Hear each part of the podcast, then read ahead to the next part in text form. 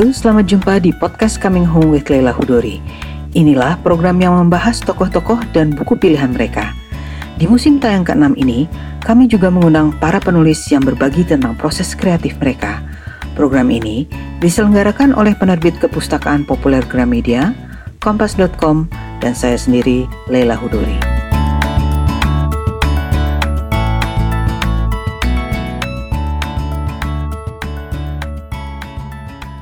Suatu petang pada 1950, ketika suara jangkrik mulai meninggi di dalam hutan, Markeba Tikore ditemukan sudah tiada. Tubuhnya tergantung dengan lilitan kain di pohon cengkih. Hanya dua pelemparan batu dari rumah kebun mereka. Tiga hari setelah pemakaman, Tago Tikore, suami Markeba, mantan mandor kebun cengkih di masa kumpeni, ditemukan di rimbunan pakis dengan kepala remuk. Satu kapak berlumuran darah kering tergeletak tak jauh dari mayatnya.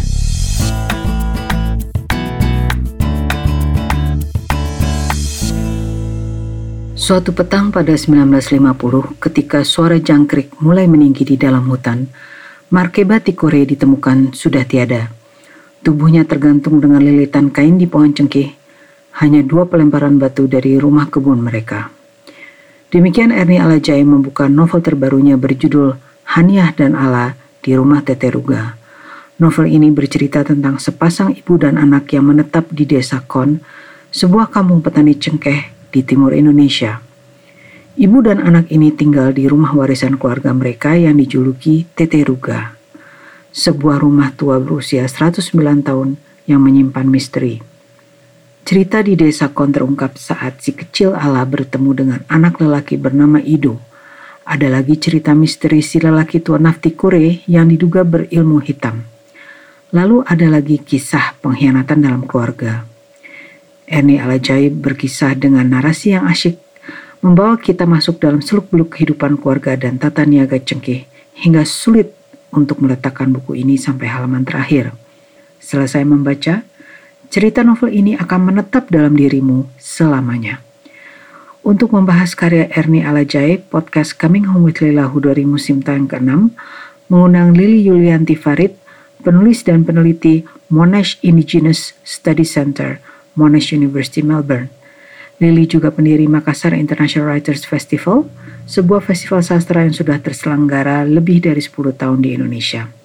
Selamat mendengarkan.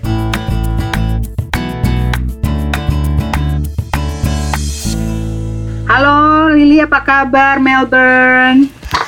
Baik, kabarku baik. Iya, aku aku beneran selalu seneng nih kalau ngobrol sama orang-orang yang tinggal di negara-negara yang uh, kelihatannya udah lumayan hidup normal seperti di New Zealand, seperti ada temanku yang di Vietnam, mm kemudian uh, Australia juga lumayan ya. Melbourne gimana? Kemarin Pak George bilang kalau di Canberra udah zero patient tuh. Iya, kita juga udah uh, zero, udah lama banget ya, udah berapa bulan nih ya. Kan sempat ada satu episode di mana kita udah senang-senang tuh ya, Mbak uh, Natal uh-huh. tahun baru udah bebas. Tapi tiba-tiba karena ada tamu dari internasional flights uh, iya, itu apa sistem karantinanya uh, tidak seketat yang kita bayangkan. Jadi ya ada kasus lagi kita kena lockdown lagi hmm. dan uh, tapi setelah yang uh, snap lockdown terakhir sampai sekarang sih udah aman. Jadi uh, intinya ya. ya kehidupan tuh sudah kembali ya seperti sebelum pandemi. Yang membedakan hanya bahwa tidak ada penerbangan internasional sama sekali yang masuk ke Melbourne gitu. Ke hmm, Melbourne ya. Soalnya barusan ada temanku yang terbang ke sana tuh. Jadi lewat uh, apa ke ya? Sydney dulu. Jadi uh, ada seorang teman oh, dia harus ketemu suaminya di sini karena penerbangan masih tutup Eh, nggak uh, tahu ya minggu depan mungkin mau di ada uji coba tapi teman hmm. teman uh, teman saya itu akhirnya memilih penerbangan ke Sydney di Sydney dia karantina hmm. 14 hari baru nanti dia nyari hmm. uh, penerbangan domestik ke Melbourne gitu Jadi itu mandatory ya setiap orang yang arrive itu pada uh, apa masuk hotel dulu karantina terus baru kalau misalnya memang nggak ada tanda-tanda apa pun baru boleh pergi gitu Betul, ya. Betul dan bayar sendiri kan mbak. Hmm. Jadi makanya jadi mikir. Iya, yeah, I heard, I heard. Ah, ah, jadi kalau orang kalau mau turis-turisan yang benar-benar mesti banyak duit Betul. tuh. Karena 14 hari di hotelnya itu kan ya mahal 30 ya kan? jutaan ya mahal lah makanya gila itu mandatori kan uh, itu ya. tapi yang melakukan itu kayaknya hanya beberapa negara deh aku baca di mana gitu sih CNN apa di mana itu 10 negara tuh baru yang melakukan itu termasuk iya, Australia iya dan itu memang dan uh, apa ya Ka, uh, saya kan apa ya mengikuti juga setiap hari ya Mbak dan akhirnya jadi hmm, ngerti hmm. kenapa uh, ada negara yang memang mengambil cara yang sangat ketat seperti ini. Karena ternyata yang hmm. namanya hmm. tracing atau pelacakan ketika ada satu kasus hmm. itu hmm. itu terlalu sulit bila kasusnya uh, berlipat dalam satu uh, dalam 24 hmm. jam. Jadi itu yang orang mungkin kurang hmm. paham ya. Yang namanya uh, hmm. orang tanpa gejala itu betul-betul uh, iya. jadi kemarin itu yang kita snap lockdown atau lockdown super ketat yang lima hari terakhir hmm. itu adalah seri lockdown hmm. ter, ter, terakhir mudah-mudahan nggak ada lagi kita udah hmm. capek hmm. banget yeah, lockdown yeah. Um, yeah. itu dari tiga kasus tapi tiga orang ini mendatangi masing-masing lima tempat nah lima tempat yang didatangi itu kan berarti 15 tempat kan yang berbeda di dalam hmm. 24 hmm. jam hmm. tapi yang didatangin hmm. itu supermarket kawinan hmm. pasar. Uh, jadi Aduh. kebayang tuh petugas yang melakukan pelacakan itu betul-betul harus mencari orang yang berinteraksi istilahnya lingkaran pertama dari ketiga hmm. orang OTG ini dalam waktu 24 jam sebelum hari berganti karena kalau enggak itu akan berlipat lagi eksponensial. Jadi itu yang yeah. dipahami orang sih, yeah. makanya kita semua memilih gak ke mana-mana karena kita tahu konsekuensinya yeah. gitu loh. Wah itu sih yeah. yang iya, mengerikan. Yeah. Anyway, oke okay, kita sekarang mau ngobrolin uh, satu novel ya karya kawan kita ini Ernie Alajai. Ini uh, kawan uh, Lily dan kawan saya juga. Nih saya sudah mengenal tulisan dia jauh sebelum udah lama sekali sebetulnya saya memperhatikan tulisan dia karena dia rajin sekali lomba. ikut uh, lomba ya. AA, lomba di Femina dan beberapa kali saya jadi juri uh, ini buat saya nih dia emang berbakat banget gitu jadi saya happy sekali akhirnya dia menerbitkan uh, novel ini gitu nah ini untuk mereka yang mendengarkan uh, novel Haniah dan Allah di rumah Tete Ruga. Bacanya Tete Ruga apa Tete Ruga? Tete Ruga kayaknya. Tete Ruga ya. Haniah dan Allah di rumah Tete Ruga uh, karya Erni Alaja ini uh, adalah sebuah kisah dua generasi perempuan yaitu Haniah dan Allah meskipun dia juga menyebut uh, generasi sebelumnya jadi uh, sometimes gitu ada neneknya dan Bu, nenek buyut ya. Begitu. Jadi sebenarnya tuh empat ah, generasi, empat generasi uh, perempuan. Ah, ah, ah, tapi ah, tapi fokusnya tetap Hania dan Ala ya. Dan uh, kalau kita ringkaskan uh, kisahnya ini tentang bagaimana ibu dan anak ini di kampung Kon, ini kampung fiktif katanya saya tanya dia uh, itu menghadapi tantangan perdagangan cengkih, tapi juga tentu ada cerita-cerita personal, cerita-cerita keluarga mm. yang uh, menyangkut di uh, perkampungan itu. Nah, dia membuka prolognya dengan satu peristiwa yang uh, sangat gripping menurut hmm. saya dan kemudian itu ber, uh, bergulir sampai uh, di akhir meskipun ini bukan novel yang panjang ya menurut saya cukupan lah ya nggak nggak nyampe 200 halaman tetapi uh, cukup membuat saya berpikir begitu loh setelah uh, novel ini selesai. Nah, saya mau tanya sama Lili uh, sebagai orang dari timur dari Sulawesi dan Erdi Alajai juga gitu ya.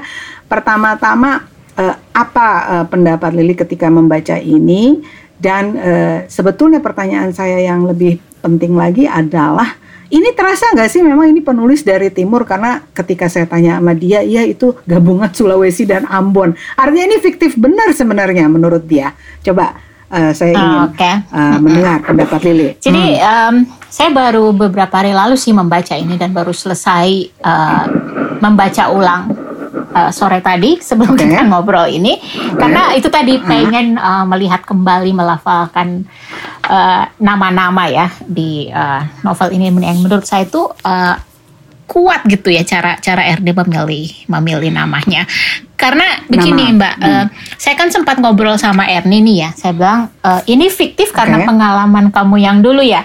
Kan itu sempat ada masalah di mana uh, ketika kumpulan cerpen Erni terbit, uh, Erni kan penuh dengan uh, kritik sosial ya, relasi kuasa di desa, betul, kemudian kesewenang-wenangan, okay. penyalahgunaan uh, kekuasaan dan seterusnya hmm. gitu berangkat dari hmm, trauma hmm. itu makanya sekarang dia melakukan pendekatan me, membuat sebuah semesta yang fiktif gitu dan uh, hmm, yang tanya desa kon gitu. Okay, okay, nah, okay.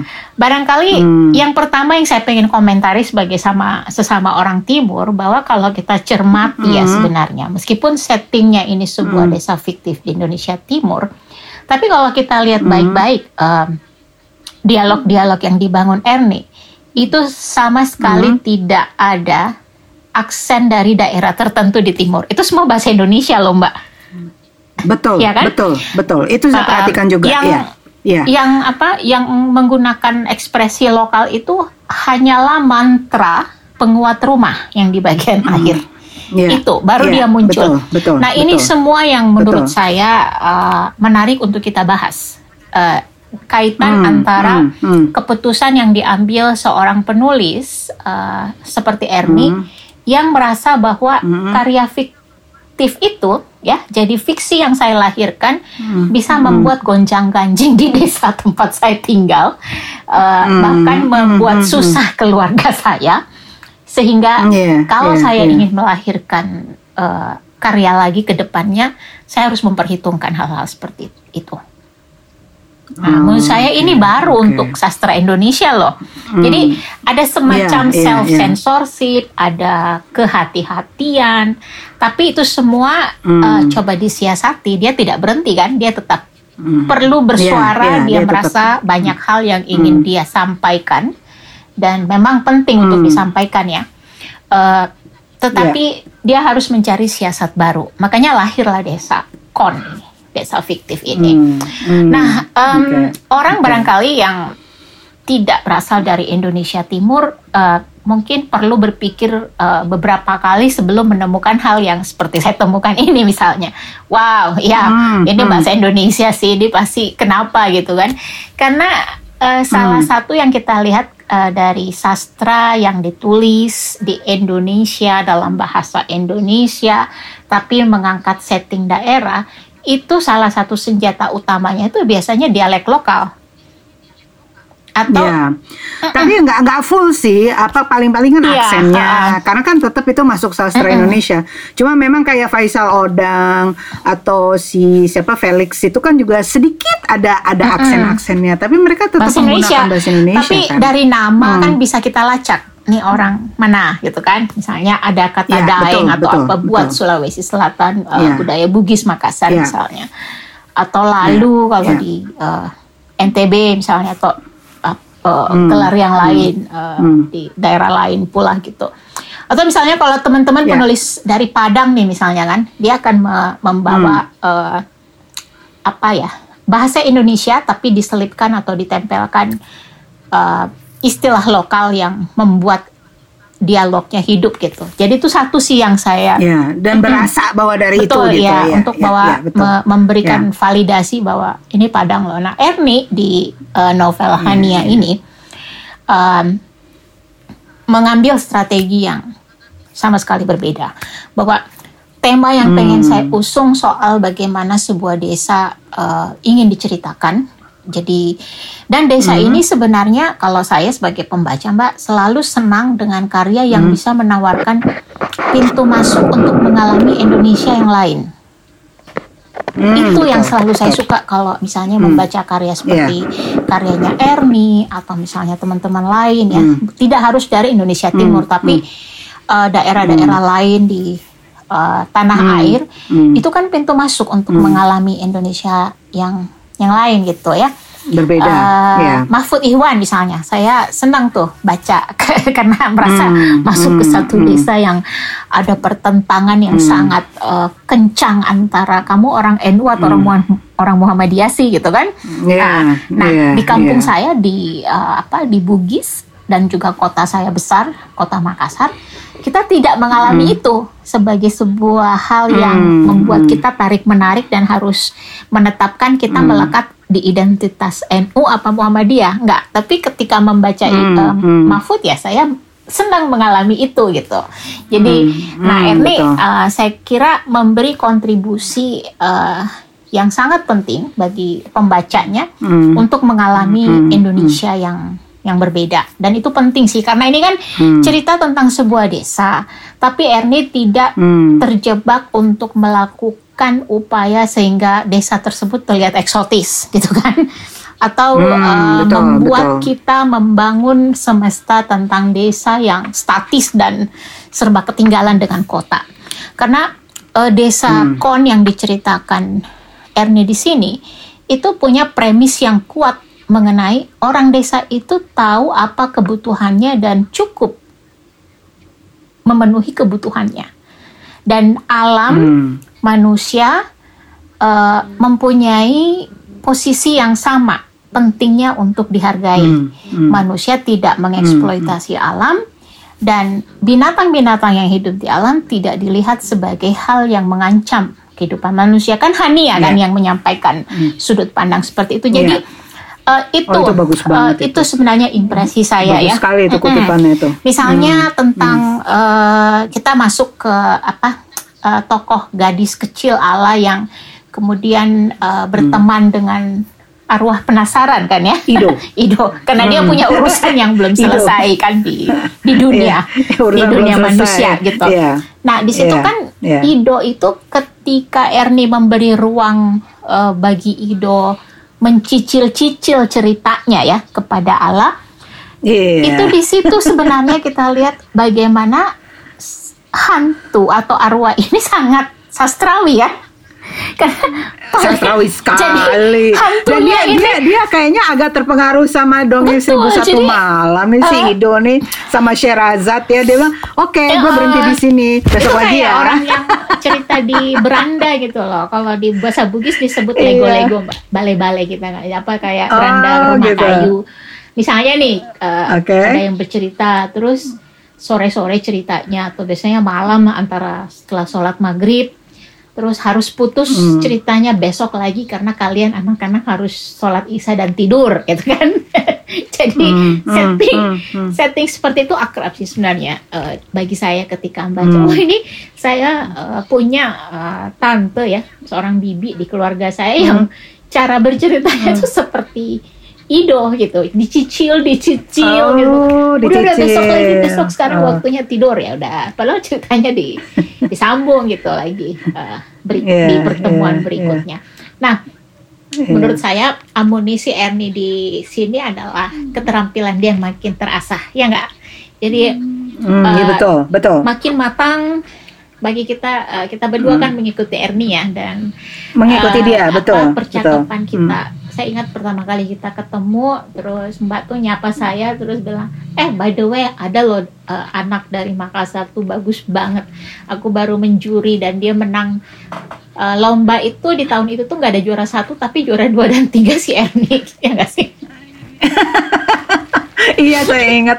Karena waktu itu kita sampai membahas ini masa orangnya sama juara dua dan tiga? Saya bilang loh ya habis yang bagus memang dia mau diapain? Terus sampai kita harus kembali melihat lagi 10 besar barangkali ya bisa mencari nama lain yang kira-kira bisa eh, jadi agak dispersed gitu ya. Tapi terus setelah kita melihat yang lain enggak memang yang layak ya. Dan kita kan nggak ngeliat nama ya Betul, waktu iya. membaca tuh kan namanya ditutup. Ah nah jadinya ya udah kebetulan ya memang dua-duanya karya Gitu. dia gitu keren banget waktu itu meskipun saya lupa sih ininya apa judulnya Iya, Terus- terus, terus? jadi em, menurut saya eh, saya mengalami perasaan bahagia kan kalau kita bertemu ke satu karya bagus tuh kan kita merasa happy Oh, banget happy. gitu ya. Happy Hati kita banget. penuh Hmm, dan kita hmm. tuh makin Hmm. bersyukur wah hidup kita tidak se kalau dia ceritanya penuh kesengsaraan, kita pasti punya satu satu apa ya? eh, satu momen di mana kita senang sekali karena punya kesempatan bertemu karya bagus itu tapi sekaligus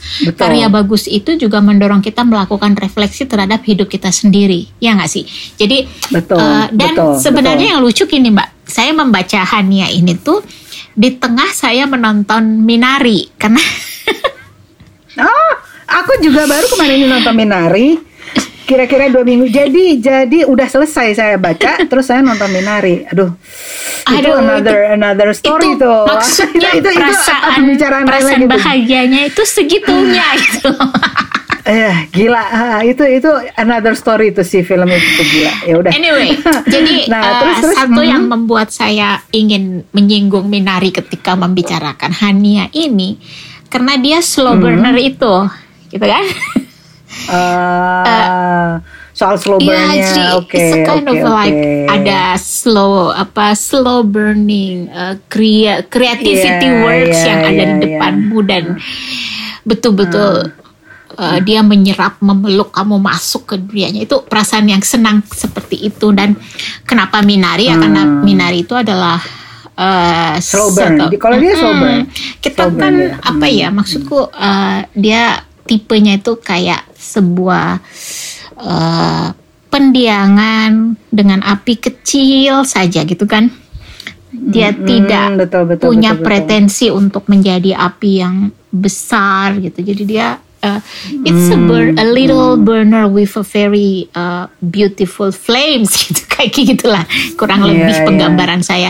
Nah kenapa Minari? Karena saya juga melihat hal yang sama bahwa kita tidak perlu uh, apa ya menyuguhkan banyak uh, drama berlapis-lapis ketika pengen me- apa Hmm, pengen menghadirkan sepotong kehidupan dan uh, ya kalau di kasus Hania sepotong Indonesia gitu kan ah gitu Mm-mm, itu betul, yang saya betul, maksud dan betul, itu kan betul. semakin simple dan semakin subtil kan itu tingkat kematangan kreatornya kan makin bag ma- itu menunjukkan dia Betul, makin bagus gitu dia betul. tidak sedang Ya. eh, apa ya menggebu-gebu ingin membuktikan dirinya ya nggak Hmm, sih ya relax sangat lebih relax dan lebih relax eh, Hmm. itu sih yang saya temui mbak. Jadi eh, saya Hmm. membaca Hania ini tentu tidak bisa memisahkan diri bahwa saya mengenal cukup dekat penulisnya dan mengetahui Hmm, hmm, latar bak- belakang dari strategi-strategi yang dipilihnya di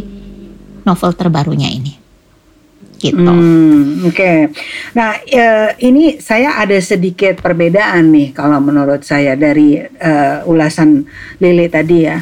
Itu semua saya setuju, tapi saya nggak merasa itu slow burn Hmm. banget loh. Mungkin karena sebelum-sebelumnya saya habis baca yang lebih Oh, slow burn oke. lagi. oh iya yang lebih saya aduh ini kemarin apa sih iya, saya kemarin Apa ini misalnya? habis membaca yang luar biasa lebih slow burn. Jadi menurut saya pas baca eh, ini punya si Erni ini rasanya malah eh, Oh seru ya, gitu. Karena dinam- dia terasa membuka- dia- dinamikanya lebih ini ya. Kalau aku malah merasa tuh Betul. desa itu kan apa ya? Ritme kehidupan desa berhasil masuk ke imajinasi saya dengan bayangkan desa yang memang Mhm. ya hidupnya segitu-gitu gitu. Tapi eh, tidak membosankan ketika saya pengen nunggu ada apa sih, ada apa sih gitu. Dan barangkali yang membedakan kita Mbak ya, eh, mengapa Hmm, saya hmm. memasukkan eh, novel Ernie sebagai subun karena semua yang diceritakan itu akrab dengan masa kecil saya. Oh iya kan dulu aku juga mengalami Hmm. ini gitu kan. Hmm. Oh, Cerita oke, anak kecil oke. ketemu arwah. Oh Arwah? iya kita besar dengan itu. Itu misalnya Ah, eh, saya oke. Maksud sorry sorry aku potong di situ. Besar dengan artinya kalian biasa bertemu dengan arwah atau mendengar cerita eh, seperti aku misalnya itu? ya eh, kan eh, bes- Hmm. lahir besar di Makassar tapi setiap akan ada liburan panjang pergi ke kampung orang tua kan Kabupaten Sopeng Oke. itu 4 jam perjalanan lah dari Makassar. Oke. Nah, ke- saya jadi saya punya teman, jadi teman anak Makassar dan teman Hmm. orang di desa gitu. Nah, nah teman-teman da- saya yang di kabupaten itu ceritanya itu tentang ketemu hantu. Aku nggak pernah lihat hantu, Hmm. tapi gini, uh, misalnya kita lagi kumpul mau main petak umpet atau main karet gitu kan, kita suka ketemu. Hmm, hmm. Orang tua kan pasti bilang, eh jangan main di luar kalau sudah maghrib, karena kalau kamu Hmm. uh, nakal nggak masuk ke rumah setelah maghrib, kamu ditangkap setan, ya nggak? Ya kan? Iya iya itu. Nah, iya itu itu ya biasa. Di itu mah di Jakarta nah, juga tetapi begitu orang saya tua. punya temen yang kemudian besoknya kita janjian main, dia nggak muncul. Dia nggak muncul Hmm. kan? Uh, dia baru muncul di uh, hari ketiga kita main kan kita tiap hari main nih karena libur kan. Hari ketiga dia Hmm, muncul, loh kamu kemarin ke mana nggak muncul? Padahal kita udah janjian main karet gitu. Hmm. Oh, Oh iya, saya diajak bertamu sama teman saya. Saya punya teman baru. Dia nunjuk kuburan. Dan ternyata dia cerita itu itu begitu. Dan itu tidak di Ya tidak ampun. diceritakan dengan seram. Jadi waktu saya masuk ke bagian yang Allah udah punya dunianya sendiri ketika Hania udah tidur, Ah. uh, itu saya langsung Ah. putar memori masa kecil. Lah lah saya kan juga punya banyak temen yang punya kesibukan kayak gini Ya, seperti gitu. itu. Jadi Iya iya iya. Gila itu. Aduh, saya tuh eh, merasa justru si eh, Ernie ini pertama yang saya lihat perubahannya ya kemajuannya adalah dia sangat pandai eh, sekarang ini di novelnya yang terbaru ini eh, membuat jigsaw puzzle gitu loh. Jadi dia memunculkan eh, beberapa nama yang asing di prolog kan dan kita nggak tahu itu siapa sih ya kan Nafti Korea apa itu kan itu satu keluarga yang kita nggak tahu gitu loh. Kita nggak nggak tahu. Terus tiba-tiba dia masuk ke bab satu di mana kita berkenalan dengan tokoh Haniah dan Allah yang merupakan judul dari buku ini Hmm. ya kan? Lalu baru pelan-pelan dia memperkenalkan hubungannya dengan sejarah desa Kon dan termasuk si arwah ini si siapa Ido ini oh ternyata Ido adalah Mm-mm. ya kan? Jadi eh, dia adalah anak yang dulunya bla bla bla. Jadi semua itu ada hubungannya dengan sejarah di desa itu ya termasuk orang-orangnya dengan segala drama-dramanya gitu loh.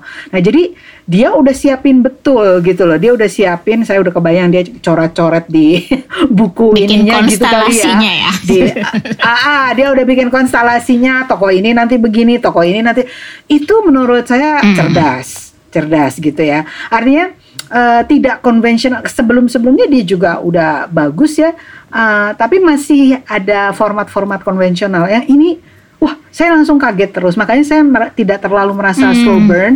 Slow burnnya mungkin memang gaya hidup di desa kon mungkin berbeda dengan eh, gaya hidup urban Jakarta. Oke, betul. Tapi dia memunculkan drama terus setiap dua tiga halaman Ya. loh dengan dongeng-dongeng itu kan misalnya oh ada eh, ini perempuan hamil yang ketahuan selingkuh dengan suami orang itu udah satu drama. Habis itu ada drama lain lagi ada drama yang eh, apa yang pasangan yang eh, berontak yang ternyata mereka adalah orang tuanya Nafti Kore yang begitu loh ya. Jadi she likes to tell stories uh, historical stories dari kampungnya yang membuat kita terus menerus oke oke gitu loh terus menerus gitu. Jadi uh, dinamik dinamis dan uh, saya benar-benar uh, terpaku gitu. Saya langsung saya nggak nggak nggak bisa berhenti gitu.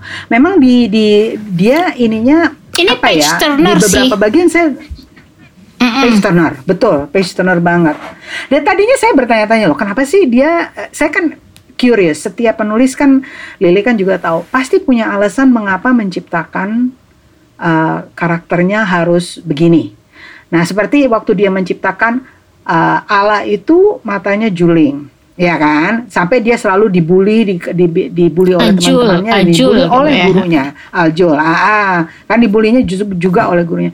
Tapi kan saya bertanya karena kita kan juga sama-sama pencipta kita bertanya kenapa dia harus menciptakan seperti ini Ah, baru kemudian belakangan ketika dia bertemu sama Ido bertemu oh oke now I get it. Gitu loh bahwa dia bisa melihat eh, hal eh, hal-hal yang kita nggak bisa lihat gitu. Jadi eh, there is some things yang aku pertamanya hmm, kenapa? Gitu. Aku kadang-kadang suka curiga kalau orang udah memberikan satu eh, apa sih problem fisik dari tokoh karakternya suka curiga saya gitu. Kenapa dia mesti begini? Ah, suka Ternyata curiga gitu hikayat, apa? ya, Maksudnya apa ini ya, meminta kepercayaan, Ah, ah, kepercayaan dia.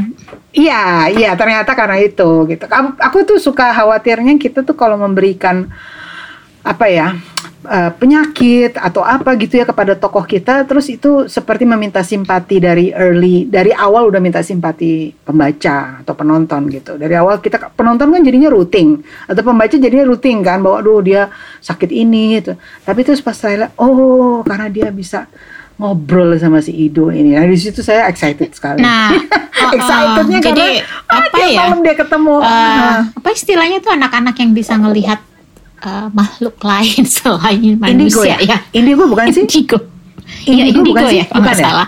Nah, di Indigo ya? di keluarga tahu, kita ah. tuh selalu ada anak-anak seperti itu kan. Sepupu saya itu ada beberapa yang dari kecil dia bisa ngasih tahu, eh kamu jangan lewat situ karena itu ada yang duduk misalnya. Aku lagi ngobrol sama dia.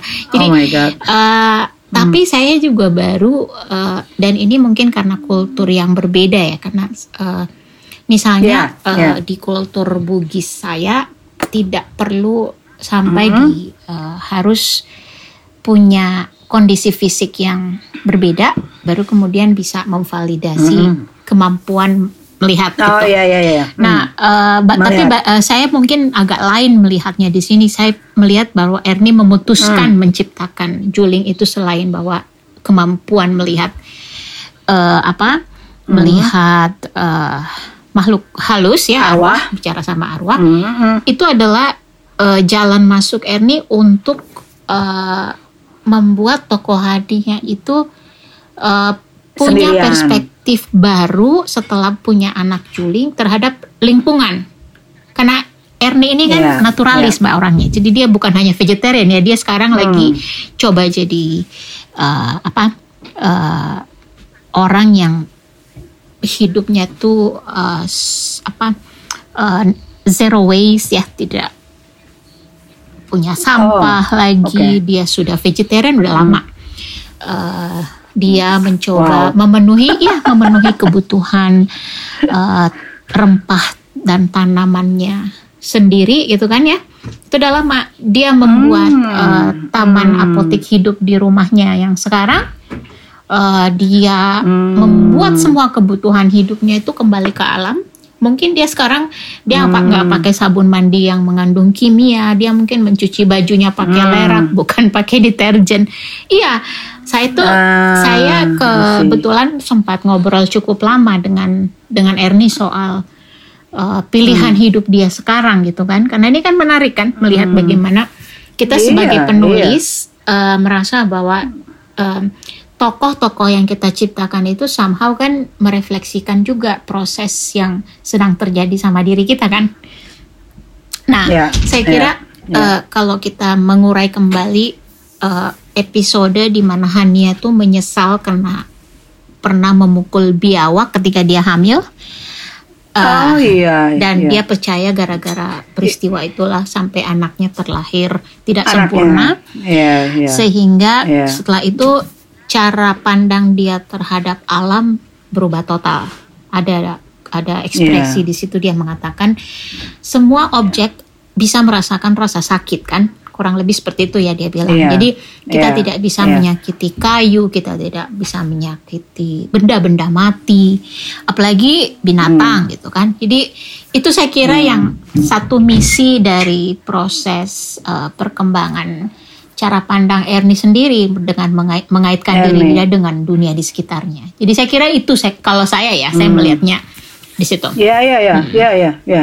Iya saya saya kagum banget dengan uh, banyak sekali kutipan-kutipan uh, di dalam novel ini yang very Iya. quotable. Ya salah satunya yang tadi kamu sebut yang Haniah Mm-mm. itu yang dia bilang kau tahu benda-benda mati sesungguhnya tidak benar mati itu juga sesuatu yang uh, saya percaya meskipun mungkin di di di apa di level yang berbeda lah gitu. Artinya saya Eh, artinya saya percaya tentu saja binatang dan pohon itu eh, punya hidupnya sendiri dan punya cara eh, berkomunikasinya sendiri begitu ya. Eh, tapi mungkin saya tuh nggak sampai nggak sampai fanatik seperti uh, ya, Ernie dia gitu ya mengalami bahwa, ya, transformasi yang ya karena, transformasi iya, yang karena gue praktikal Uh-uh. banget orangnya. Ah, jadi kalau sabun ya udahlah gitu yang beli aja. Tapi I do believe bahwa ya of course uh, nggak mungkin gitu tanaman itu nggak punya uh, cara berkomunikasi karena dia tuh begitu melihat matahari begitu bersinar dia tumbuhnya iya kan dia tumbuhnya selalu mengarah ke situ. Jadi that that's a type of communication yang saya lihat gitu ya. Tapi balik lagi nih ya persoalan uh, uh, Ernie ini ya dengan uh, si Haniah dan Ala ya, dia juga uh, menekankan uh, di seluruh novel itu tentang betapa cengkeh itu penting dalam kehidupan uh, warganya dan juga tokoh-tokoh utamanya. Ya, dia bahkan uh, bercerita sedikit di zaman Belanda seperti apa, ya kan? Terus uh, setelah Belanda pergi mereka seperti apa, dan kemudian ketika Orde Baru, di mana salah satu tokohnya saya lupa siapa yang ngomong bahwa ini kayaknya apa yang dilakukan di Orde Baru nih dengan badan penyangga itu mirip-mirip aja sebenarnya dengan zaman dulu, Iya. gitu kan? Nah, Ah, ah, dan dan dan yang eh, it- itunya bagian sosial politiknya saya oke gitu ya. It's something that I will eh, saya suka gitu dan saya saya juga memang eh, demikian begitu ya. Tapi kelebihan dia itu ya yang gila itu adalah cengkehnya itu menjadi part of eh, the the apa ya? Bukan hanya objek tapi dia menjadi bagian dari tokoh-tokohnya bahwa ada lelaki dia memberi subjudul kan? Lelaki berbau cengkeh. Kemudian si anak ini yang uh, bersembunyi di balik reru- Tumpukan oh, cengkeh, ha. ketika iya gila itu adegan filmis banget. Ibu bapaknya apa mencoba uh, melawan ya kan? Melawan kemudian si anak uh, bersembunyinya di balik tumpukan cengkeh. Itu gue ngebayanginnya tuh bener-bener ah, ah, kayak adegan film Di banget. perahu dan kecil itu ya, berasa jadi, ah, betul betul. Kecil, dan ah. ketika mereka betul dan mereka mati dan si anak ini tetap hidup dan aku tuh terus bau cengkehnya tuh kayak kayak eh, keluar dari itu novelnya gitu loh. Nah itu yang menurut saya wah gua nggak bakal bisa nulis kayak begini nih gila ini. Karena buat saya ya cengkeh tuh ya jadi sesuatu alat politik. Ya zaman di zaman apalagi di zaman orde baru ya politik dan sosial dan politik. Tapi sama Eri dimasukin ke dalam personal story-nya tokoh-tokohnya. Itu yang weh gitu. Nah coba deh eh, pendapat Lili gimana? Ini persoalan cengkeh dan itu, itu apakah memang sesuatu yang khas di timur? Karena saya tahunya itu cuma di Maluku Banda ada gitu loh. Saya yang lain begitu kan ada tahu. pala ada cengkeh Iya ada- pala betul. Ah, tapi itu bukan khas Sulawesi. Is it khas bagian dari khas Uh, Sulawesi petani juga? cengkeh itu banyak. Jadi uh, petani cengkeh di Hmm. uh, Sulawesi yang apalagi yang uh, sudah uh, Kampung Erni itu meskipun secara administratif masuk Sulawesi, tapi kan uh, Hmm. dia lebih mudah ke Maluku untuk fasilitas Oh, transportasi. gitu. Makanya tidak mengherankan kalau uh, petani cengkeh juga uh, apa uh, banyak di tempat Erni berasal gitu kan. Oh, Selain cengkeh oke, tentu pantes. um, kakao ya atau orang sana tuh menyebutnya Iya coklat. kakao. Nah, Coklat. Hmm. eh, novel ini lahir dan hadir di tengah eh, sebuah proyek ambisius pemerintah Mbak yang bernama ingin memperjuangkan eh, jalur rempah sebagai eh, proyek kebudayaan yang sangat ambisius. Mbak mungkin lihat eh, beritanya berseliweran di mana-mana kan? Yes, yes. Nah, mereka Yes, tuh lagi yes. mencari bagaimana eh, mengekspresikan eh, jalur rempah ini sebagai memori kolektif bangsa dan bagaimana dia dikembangkan sebagai identitas budaya yang eh, bisa mengantar Indonesia terlihat lebih bermartabat di mata dunia misalnya ya. Nah, saya tuh sa- kemarin tuh masih sempat lihat sih di Instagram misalnya eh, di apa di Dirjen Kebudayaan tuh mengadakan misalnya lomba cipta lagu eh, jalur rempah atau apa Eh, atau lomba apa. Ketika saya baca Hania sih bilang, yang gini nih yang diperlukan untuk menjelaskan jalur Iyalah. rempah, Iyalah. identitas Betul. alternatif cara pandang kita melihat apa sih maknanya menjadi rakyat di sebuah negara yang dijajah karena rempah-rempahnya gitu kan. Betul. Harusnya betul, ini nih betul. kita bawa ke Pak Hilmar Farid kali Pak Hmm. nih kalau Bapak lagi pusing nyari ini novel ini nih yang harus Bapak baca, Bapak promosikan. Nanti nanti ini ini podcast ini gue kirim deh ke dia nih linknya. iya, eh, nanti tanggal 28 aku host eh, apa kampusku host acara dia kan tentang jalur rempah. Jadi pasti aku juga ngasih tahu, Pak. Oh, Bapak tuh oke. lagi pusing-pusing bikin lomba lagu lah, lomba video apa yang Baca aja sastra. nih Pak, nih ada karya yang bisa menjelaskan dengan sangat baik alasan orang kulit putih datang ke Nusantara. Oke? Diceritakan Hmm, dari sudut pandang desa. Sebagai Hmm. orang yang men- apa orang-orang desa yang mendapatkan eh, terkena dampaknya kan? Karena ada orang putih Iya. yang Dan dia ini begitu tipis, tapi sudah menjelaskan banyak hal Oh ke saya iya. loh. Jadi Bener saya loh. itu Untuk anak Jakarta, gue jadi gitu. belajar banyak. Nah, kemudian Ah. eh, pendapat saya ya tentang ini tentang eh, Hmm. eh, apa cengkeh sebagai Cengkeh. eh, nafas dari eh, karya ini ya. Jadi cengkeh di sini tuh Betul. tidak didekati Ernie sebagai komoditas ya, karena saya kira dia me- menggunakan Betul. premis dari Hania bahwa cengkeh adalah kehidupan masyarakat desa kon. Oke, cengkeh eh, tidak membuat masyarakat desa bertengkar karena setiap orang tahu perannya masing-masing. Ada yang punya kebun yang diwariskan dari satu generasi ke generasi. Ini yang terjadi di keluarga empat generasi eh, Hania dan Ala. Ada Hmm. tauke orang Cina yang membuka toko tempat mereka menjual. Ada deh orang dari desa tetangga yang akan tahu kapan waktunya mereka datang menawarkan jasa untuk ikut memetik di kebun-kebun rakyat. Lalu ada kerjasama yang tidak tertulis tapi berdasarkan rasa saling percaya yaitu ketika ada orang dari desa lain datang nginap diberi makan tidak diperlakukan sebagai buruh tani ya tapi dianggap sebagai saudara yang membantu plus dibolehkan mengambil cengkeh yang jatuh karena eh, jatuh ke tanah karena ditiup angin atau peristiwa alam lainnya. Itu kalau cengkeh udah sampai di tanah karena ditiup angin atau peristiwa alam lainnya, cengkeh itu bukan milik yang punya kebun, Mbak. Itu ada tokohnya, Jadi ada punya- bibi punya bibi siapa yang- tuh yang datang ke rumahnya, terus dia nginep situ kan, dat- Iya, datang iya. naik kuda di antar tetangganya. So itu semua Iya, iya. Indonesia yang tidak ada di buku sejarah kita, yang kita baca adalah oke kita punya rempah-rempah yang kaya yang bikin orang dari segala penjuru dunia pengen menjajah kita. Lalu Datang. Yang Hmm. lupa, yang kita lupa cerita bahwa dalam setiap sejarah penjajahan ada kolaborator. itu Iya, kan, itu selalu. kan raja-raja. Dan itu yang menyebabkan itu yang menyebabkan kenapa akhirnya bisa Iya. dijajah karena Iya, kolaboratornya Ernie itu. menceritakan itu dengan sangat halus kan bahwa eh, Hmm. kolaborator di masa Olanda atau orang penjajahan Belanda itu Ya, adalah Belanda. mandor yang mau bekerja pada tuan-tuan kulit putih itu kan.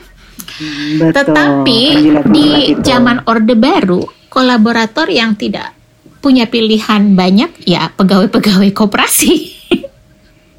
itu kan Hmm, kelihatan kan betul, jadi kalau betul. ditarik benang Iya di waktu Ah. waktu diprotesin sama Haniah terus kan mereka whatever ya, mereka Iya, sikapnya ya. pokoknya pokoknya peraturan ini baru ini begini perintah gitu perintah kan. atasan gitu kan jadi itulah Iya, eh, Ernie iya, me- iya. menyuguhkan itu yang saya bilang tuh relax banget dia tuh tidak dalam upaya Iya. pengen menggebu-gebu tapi dia sadar sekali dia membangun strukturnya dengan kokoh lalu Iya, penceritaannya sangat eh, skillful ya manis sekali Iya. terampil sekali satu-satunya yang pengen saya lihat adalah kita semua yang punya kepentingan memajukan sastra Indonesia membantu karya seperti ini mendapatkan kesempatan promosi yang sama besarnya Iya dong. dengan karya-karya lain dari penulis Iya terkenal. betul. Iya, itu yang penting. Iya. Betul betul. Uh-uh. Mm-mm. Nah ini uh, artinya ini ini sangat layak nih suatu hari Oh iya. diterjemahkan Mm-mm. uh, ke dalam bahasa Inggris sangat sangat layak. Nah tapi sebelum kita masuk membicarakan itu, saya mau tanya juga nih. Ada beberapa hal yang menurut saya itu memang fakta. Saya juga sempat ngobrol sama uh, Ernie. Uh, ini kok bagian ini serem banget ya gitu ya misalnya tentang perempuan hamil yang affair dengan lelaki beristri dan si perempuan hamil itu diserbu oleh istri dan disiksa habis-habisan kemudian juga bully yang dihadapi oleh Allah dan Allah oleh kawan Guru. kelas tapi juga oleh gurunya Ibu. Ha. Jadi saya melihat ada beberapa bagian yang menggambarkan kekerasan perempuan terhadap perempuan. Saya minta komentar eh, Lili tentang Ya, hal ini. kekerasan kan terjadi karena relasi kuasa ya. Bahwa dia Betul. terjadi eh, bisa antara dua gender yang berbeda atau di gender yang sama tapi punya posisi Oke. kuasa yang berbeda gitu. Jadi yang satu bisa Oke. menekan yang lainnya. Dan di situ kan Hmm. ada ada adegan di mana eh, perempuan hamil ini tuh eh, membalas dan mengatakan mestinya kamu yang mengajari suami kamu karena suami kamu me- me- apa, Iya. mengaku sebagai eh, lajang atau belum punya istri gitu kan. Lajang, iya. Jadi Ya, ada ya. semacam negosiasi moral tentang siapa yang paling salah dalam kasus ini misalnya kan. Ya, Nah, ya, eh, ya. Ada beberapa hal sih yang saya pengen komentari Mbak. Pertama, saya juga besar Hmm. dengan cerita-cerita seperti ini di desa. Oke. Di desa itu sering sekali kita mendengar eh, orang dari kota atau orang dengan status sosial yang eh, terhormat ya, karena dia punya seragam, Hmm. entah dia PNS atau pejabat atau militer atau polisi. Ketika bertugas ke ke desa atau ke kabupaten, eh, dia punya affair di sana dan eh, selalu dalam posisi em, ketahuan belakangan kan. Dan setelah itu eh, istri sahnya datang menghakimi si eh, perempuan yang di apa yang diajak berhubungan di desa Yang gitu yang punya affair, affair ya. gitu dan Hmm. setelah itu sih Iya. eh, akan ada solidaritas sesama orang yang pakai seragam gitu Eh, mungkin yang perlu diingat juga karena setting eh, ala di sekolahnya itu adalah tahun 90-an kan Iya, Eh, ketika betul. konsep kekerasan terhadap anak dan apa yang harusnya boleh dan yang enggak dilakukan oleh guru di sekolah eh, tidak tidak semaju Masih seperti sekarang ya gitu kan. ya. Jadi belum ada Komnas Hmm, Anak, betul. belum ada gerakan Hmm, eh, hmm. hak asasi manusia yang bisa eh, apa eh, kampanyenya itu sampai ke pelosok gitu. Dan itu biasa. Iya. eh, eh, Pokoknya waktu itu masih masih kebanyakan masih politically Betul, incorrect iya. lah kelakuan guru kelakuannya, guru ya. adalah uh, sosok yang tidak pernah salah selain orang tua gitu Iya, kan jadi kebayang iya, kalau betul, betul. ada guru yang uh, apa memang tidak suka pada kita dan itu biasa kan diceritakan juga biasanya guru pura-pura Iya. tidak tahu kalau dia misalnya memberi perhatian khusus bagi anak pejabat desa atau anak pengusaha kaya di desa Iya. sementara kalau kamu anak biasa-biasa aja eh, tidak mendapat apa-apa. Tapi di sini barangkali yang perlu digarisbawahi, Hania eh, baru kemudian bereaksi, dia mengambil eh, Ernie itu me- apa ya kayak merentangkan waktu dan pengen bilang bahwa Hania ini seorang perempuan yang dengan pikiran progresif kan karena eh, Iya, dia tahu iya. haknya dan dia mau dia selalu pengen Iya, dia datangin selalu kan. membicarakan Hmm, dia datangin. apa yang ada dalam pikirannya.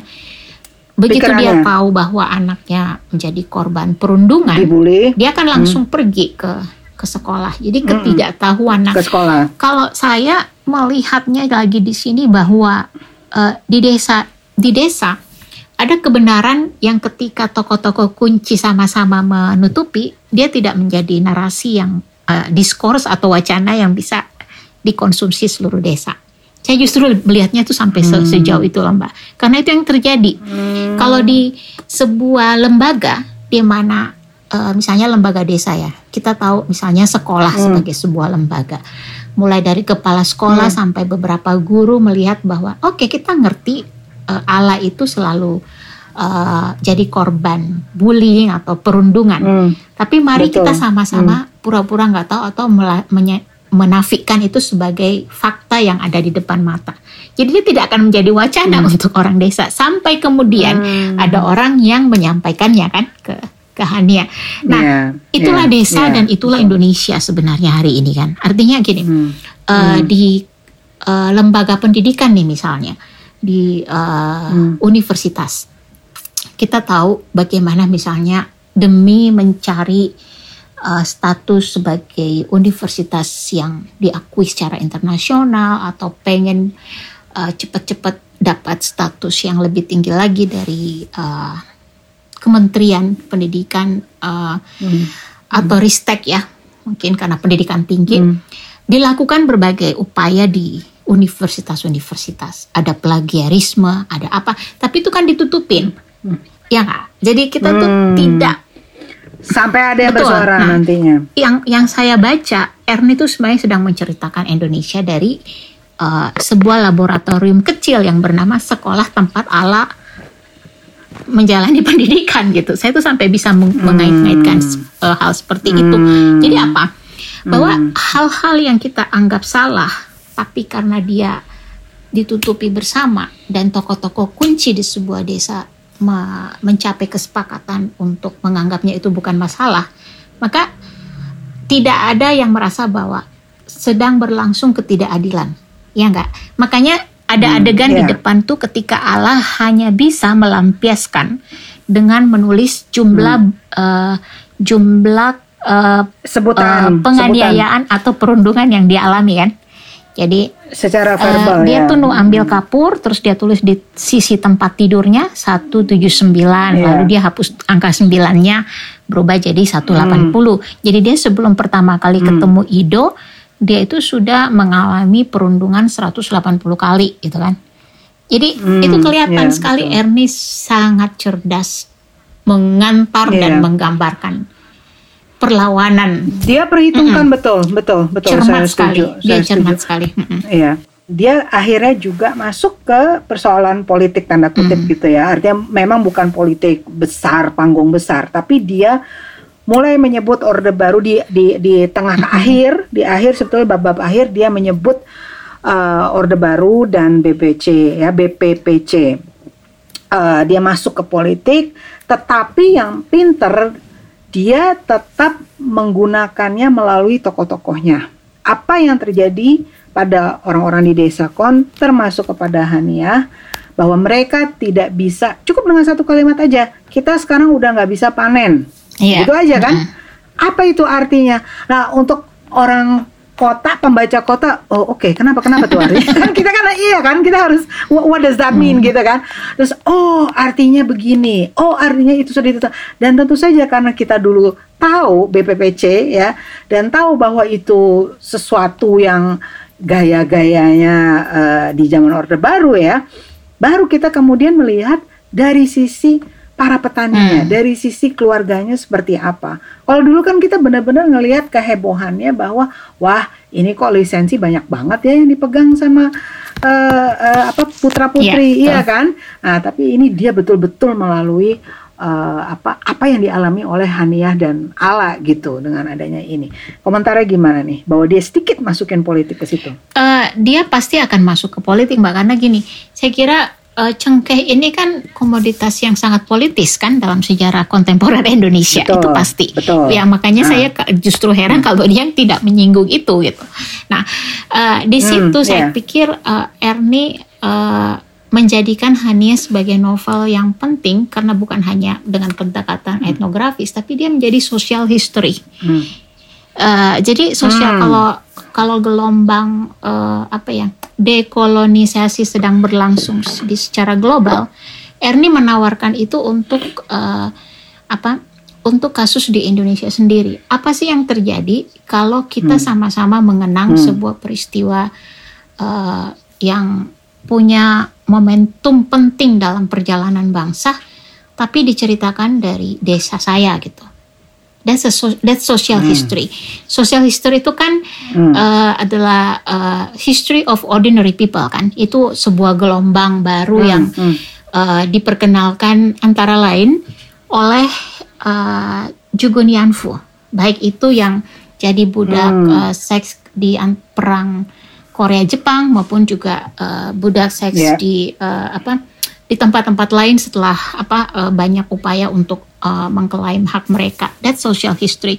Nah, ini ketika Ernie hmm. masuk ke ke materi ini, saya sebenarnya punya satu respon yang agak lain ya Mbak ya. Dimas karena bagi Ernie, hmm, hmm, Ernie ini hmm. kan pernah jadi jurnalis di kampus kan dia masuk uh, surat kabar okay. kampus. Jadi dia hmm. ada gaya jurnalismenya hmm. yang muncul ketika dia udah masuk ke politik itu gitu kan. Uh, hmm, di situ saya okay. lihat sast, uh, apa uh, muatan sastranya itu udah agak kendor. Jadi dia apa hmm, karena udah tidak hmm. ada adegan Ido bercerita kali ya atau saya nggak tahu karena Ido Idonya kan udah, udah selesai ini, urusannya. udah, gitu kan? udah selesai ya. Udah selesai. Karena yang paling puitis di karakter karakter semua maaf di semua karakter ini kan si Ido ya jadi yang paling sastrawi Ido, kan dia betul, gitu jadi betul. tapi uh, memang iya, uh, di situ dibutuhkan tapi Ernie cakap gitu jadi ada beberapa pengulangan hmm. bahwa anak kelima dari penguasa tertinggi di negeri ini.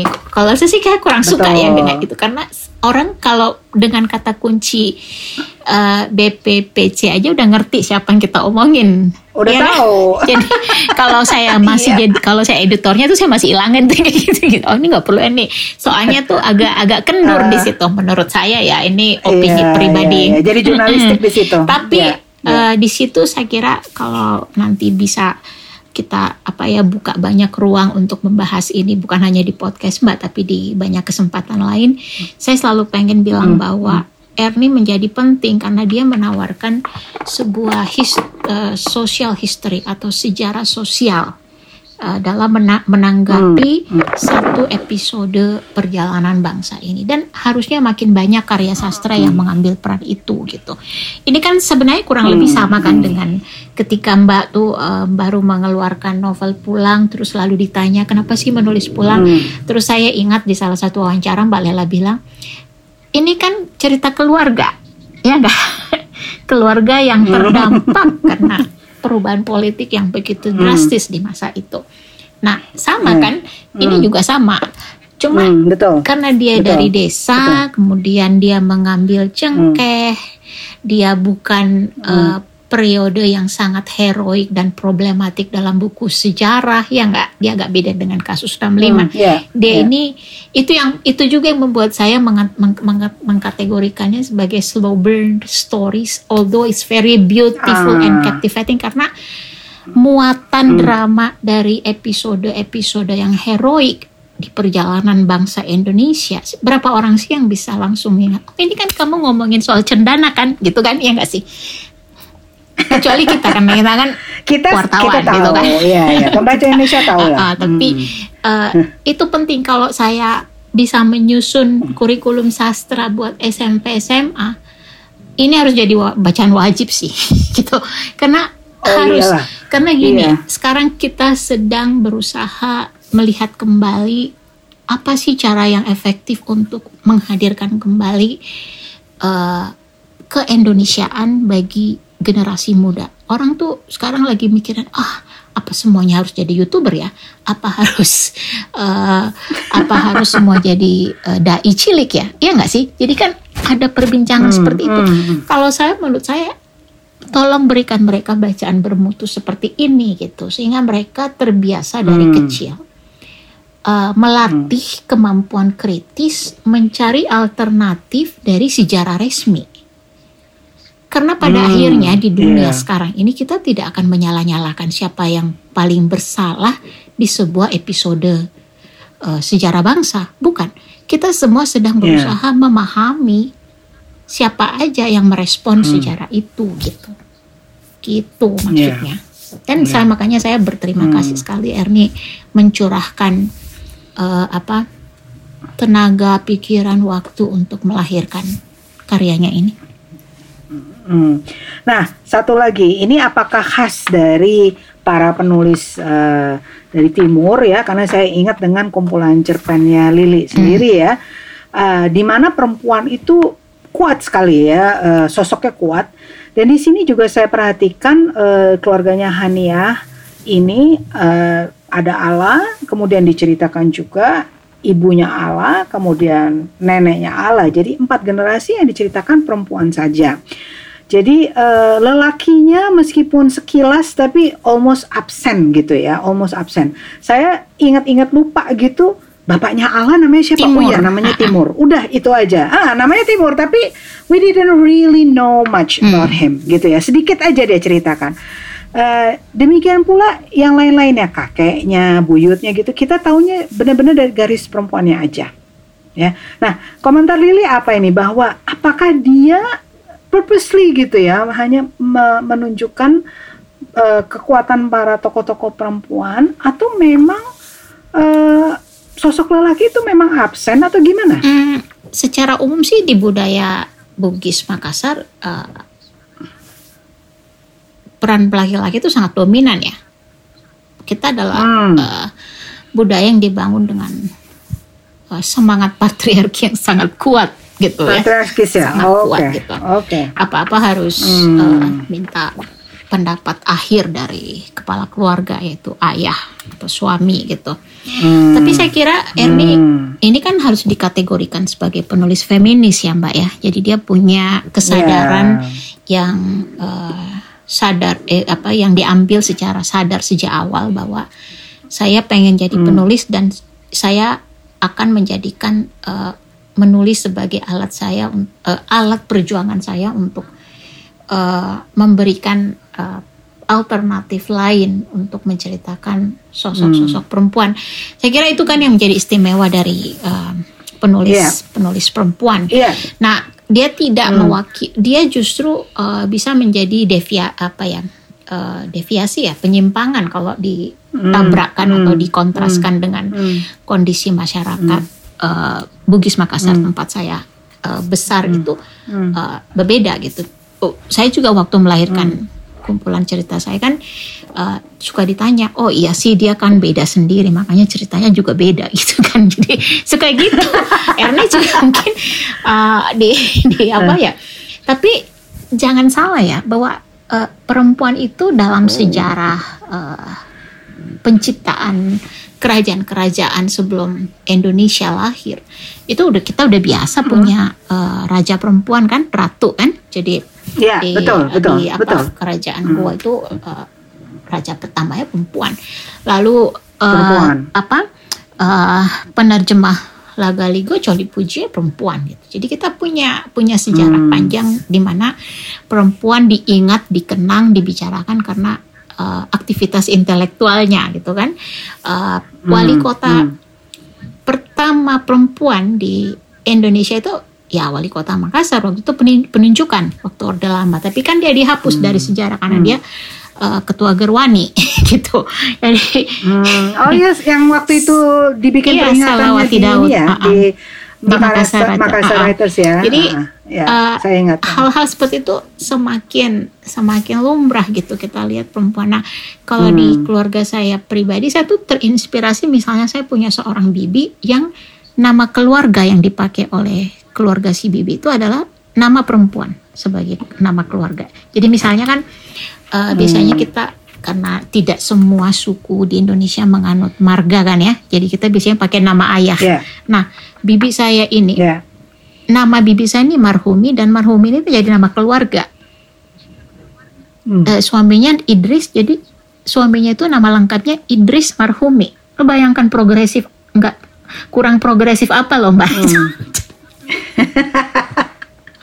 Nah, eh, kita dari tadi udah menyebutkan beberapa tokoh ya, ada Haniah, Ala, Ido, Ibu Hijima, Nafti Kore, semua nih tokohnya unik-unik eh, dengan berbagai eh, apa apa ya keistimewaan atau flow-nya juga banyak ya. eh, itu dari semua tokoh-tokoh yang diciptakan kan dia dia kuat, dia kuat sekali me- menciptakan karakternya. Salah satu kekuatan dari novel ini adalah karakter-karakter dia memorable gitu. Bagi Lili itu yang mengesankan, yang memorable tuh tokoh yang mana? Semuanya sih ya, bahkan Naf eh, Naftekor Hmm. itu juga menurut saya sangat sangat kuat. Oh itu itu kan? asik tuh. Ah, ah. itu itu itu seru banget itu.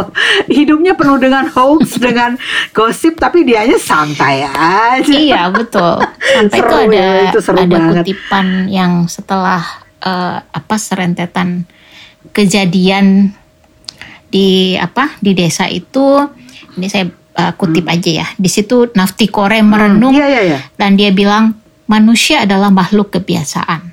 Yang terbiasa berprasangka akan sulit berpikir jernih.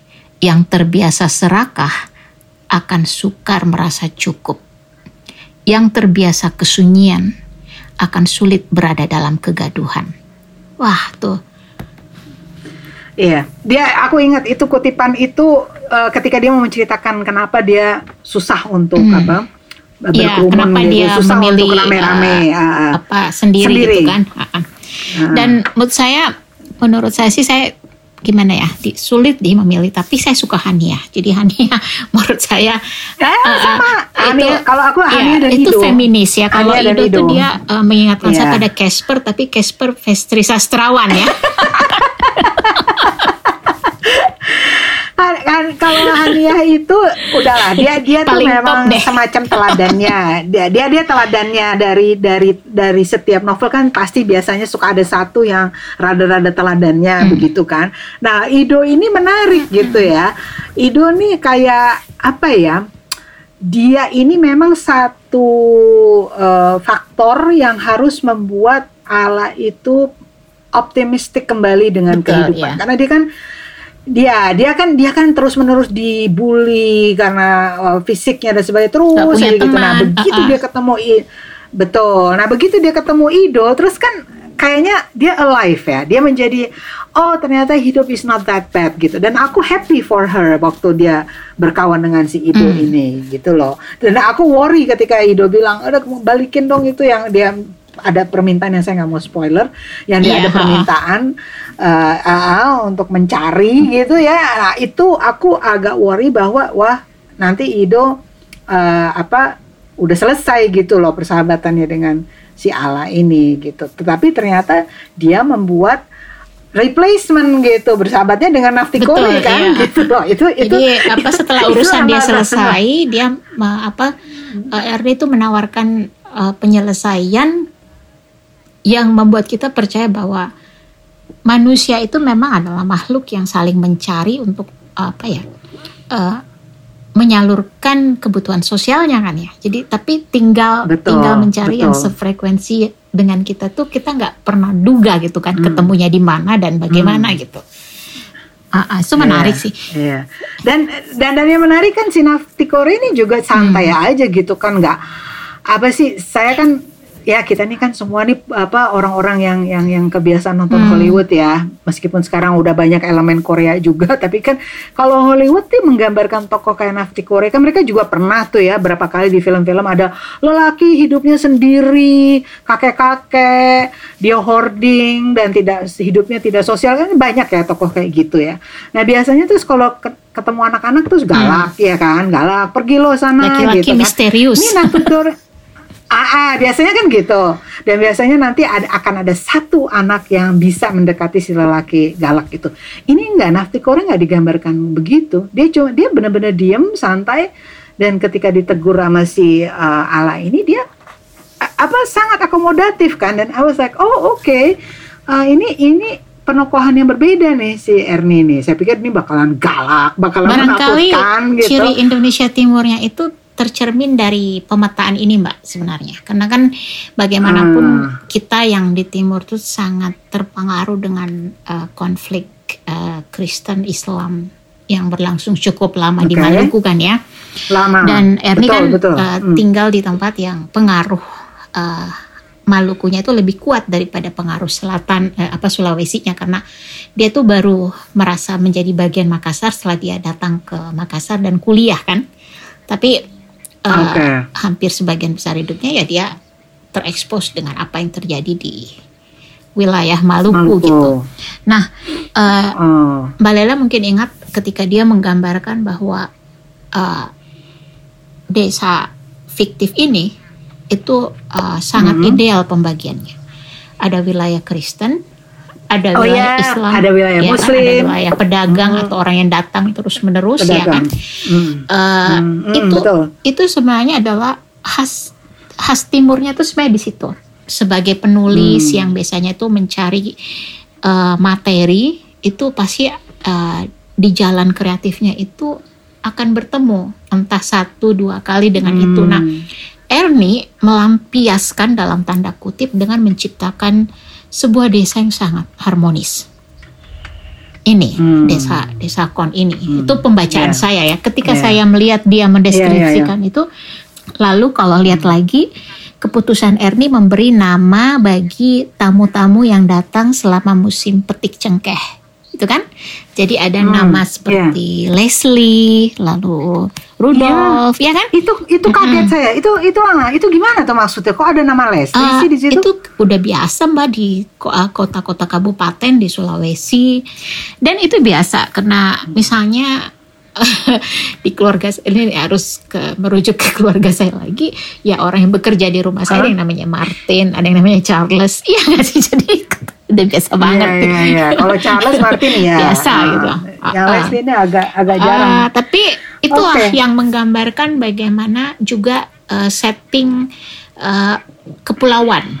Jadi hmm. kalau ada kapal yang merapat, ada tamu, orang-orang uh, asing dan kelihatan sekali juga Ernie uh, sangat sadar tentang posisi strategis uh, desa ini sehingga dia tidak hanya didatangi hmm. oleh orang yang uh, punya kepentingan bisnis setiap kali ada musim hmm. cengkeh ya, tapi ada bagian di mana hmm. uh, peneliti juga datang itu tiba-tiba mengingatkan saya hmm. pada oh ini hmm. berarti dia cerita tentang uh, apa ya misi-misi uh, explorer di abad-abad lampau yang hmm, dulu suka hmm, banget hmm, dengan eksotisme hmm, gitu kan. Jadi peneliti yeah, iya, burung yeah, yeah. ya kan, uh, misi yeah, kapal yeah, asing. Jadi ya yeah, globalisasi yeah, yeah. yang disikapi dan diceritakan dari sudut pandang desa gitu. hmm, narik, hmm, narik banget. Okay. Halo, saya Lela Hudori, host dari podcast Coming Home with Lela Hudori. Penerbit Kepustakaan Populer Gramedia mempunyai beberapa rekomendasi buku. Pertama berjudul Epictetus, sebuah buku yang ditulis dalam bahasa Yunani dan diterjemahkan ke dalam bahasa Inggris oleh A. A. Long menjadi How to be Free. Kini terjemahan bahasa Indonesia-nya oleh Ingrid Nimpuno diterbitkan oleh penerbit KPG. Isinya adalah kumpulan beberapa tulisan Epictetus Epictetus adalah budak dalam keluarga Epaphroditus, seorang administrator di istana Nero di Roma. Meskipun ia telah menjadi orang bebas, pengalaman perbudakan meninggalkan jejak pada seluruh pandangan filsafatnya. Menurut Epictetus, kebebasan bukanlah hak asasi manusia atau hak politis, tetapi sebuah pencapaian psikologis dan etis. Kita semua bisa bebas hanya jika memiliki hasrat atau menghindari hal-hal yang ada dalam kendali kita dan memperlakukan yang di luar kendali kita dengan kepala dingin. Tebal 180 halaman, soft cover bisa ditemukan di toko buku Gramedia atau toko online official lainnya.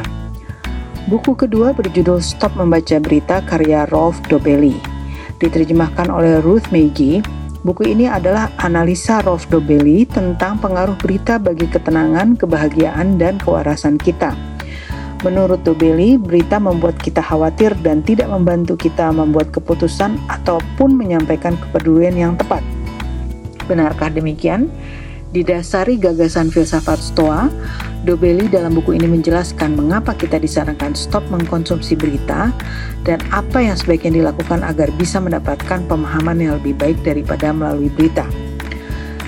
Tebal 156 halaman sampul soft cover, buku ini bisa diperoleh di toko buku Gramedia atau toko online official lainnya. Untuk Anda yang ingin produknya disajikan di podcast ini, hubungi Mas Devi di kompas.com 0816 947 070. Sekali lagi, untuk Anda yang ingin produknya disajikan di podcast ini, hubungi Mas Devi di kompas.com 0816 947 070.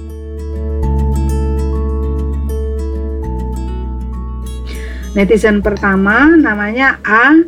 At Jumarda Jumardaman. Uh, kenapa tema-tema lokalitas ini banyak mendapat perhatian? Hmm? Dan kenapa tema tersebut penting? Nah, kalau soal perhatian kita baru aja dibahas ya. Uh, perhatian dari siapa dulu ya maksudnya? ya. Iya makanya. Mungkin maksudnya uh, ya nggak tahu ya. Mungkin karena buku ini kan menang ya, menang juara keberapa sini? Tiga ketiga ya. Artinya sebenarnya menurut saya buka juaranya kalau membaca ini tanggung jawab mereka bukan hanya karena tema lokalitasnya ya, tapi memang ini ditulis dengan baik. Itu karena nomor satunya sebetulnya. Betul, ya kan? sepakat. Keterampilan hmm. Ernie di sini hmm. sangat uh, maju ya. Uh, iya, iya. Dia menunjukkan skill ya, jadi betul-betul craft yang hmm. membuat kita tuh senang bacanya. Terus kenapa tema tersebut penting menurutmu? Uh, tadi sebenarnya udah saya jawab meski terpecah-pecah ya, ya bahwa oh, udah, dia menawarkan uh, iya, pengalaman Indonesia keindonesiaan yang berbeda dan itu penting untuk yang kita berbeda. semua sebagai uh, orang Indonesia hmm. punya kesempatan uh, memasuki uh, Indonesia. Jadi uh, misalnya saya dengan kultur Bugis Makassar saya saya senang baca cerita-cerita uh, yang berlatar keluarga Jawa uh, dan keluarga Sumatera karena itu kesempatan kan kita mengalami ya sama lah kalau kita nonton hmm. film kita nonton banyak film Jepang Korea dan segala macam film Iran gitu yeah. kan karena kita pengen masuk ke rumah hmm. di sebuah keluarga duduk se seperti ikut makan sama mereka itu kan penting buat Indonesia kan untuk uh, kita hmm. mengalami itu dan untuk yang uh, buku Hania ini karena itu tadi jadi Ernie mengambil pendekatan etnografis dan menawarkan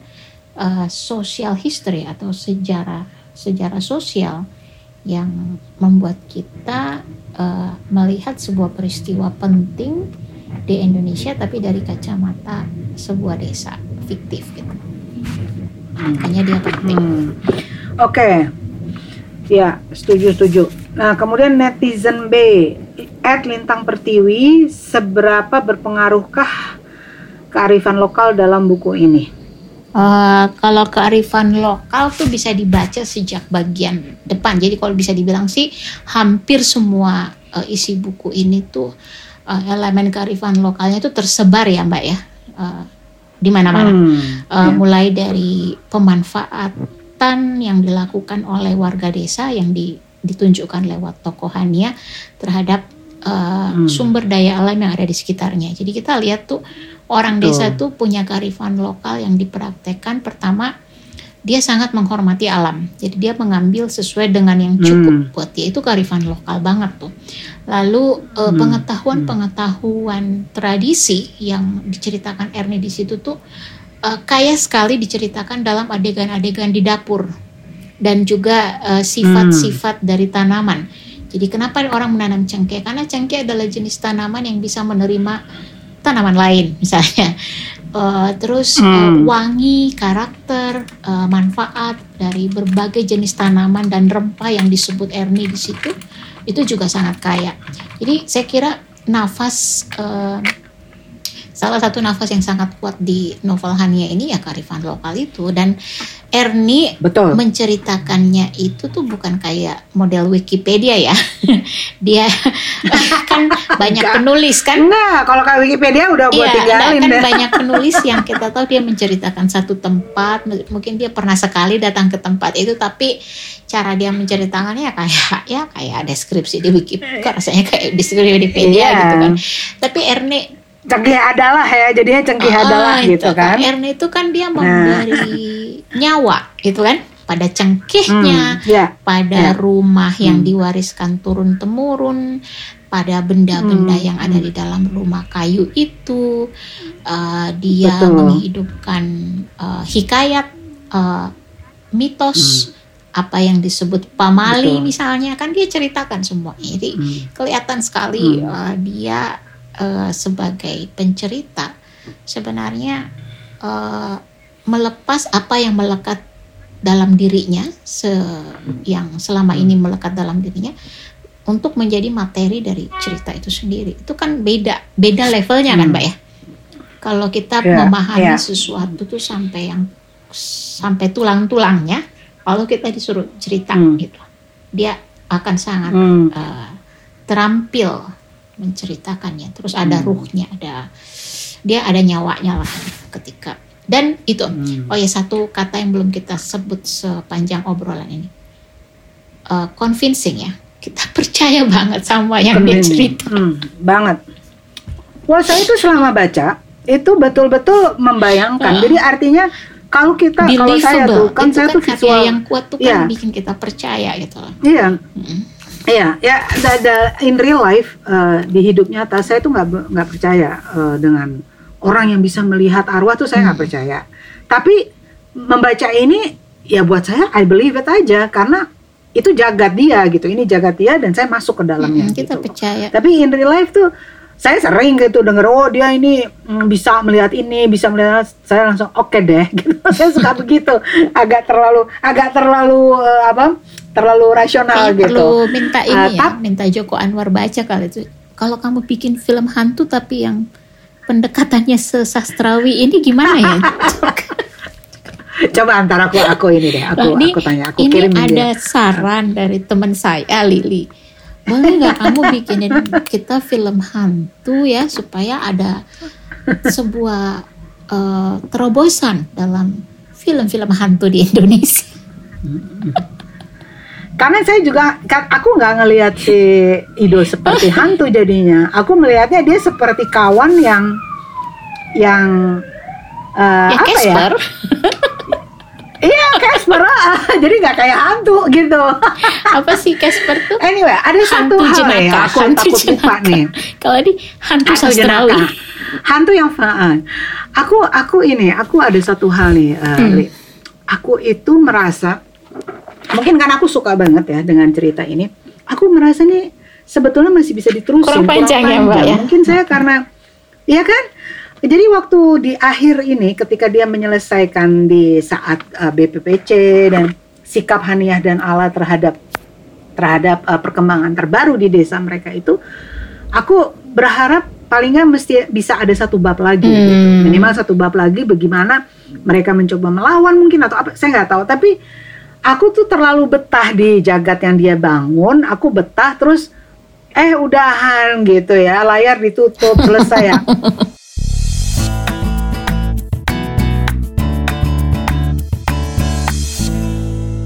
Sinar bulan menerangi kebun dan desis jangkrik terdengar di bawah kaki. Nafti Kore merenung, manusia adalah makhluk kebiasaan. Yang terbiasa berprasangka akan sulit berpikir jernih. Yang terbiasa serakah akan sukar merasa cukup. Dan yang terbiasa kesunyian akan sulit berada dalam kegaduhan. Nafti Kore berpikir dirinya adalah orang yang sudah terbiasa dengan kesunyian. Sulit baginya untuk kembali tinggal di dalam desa. Nah, udah. Okay. Thank you Mbak untuk kesempatannya. Oke. Ya. Okay. Makasih ya. Take care ya. bye bye.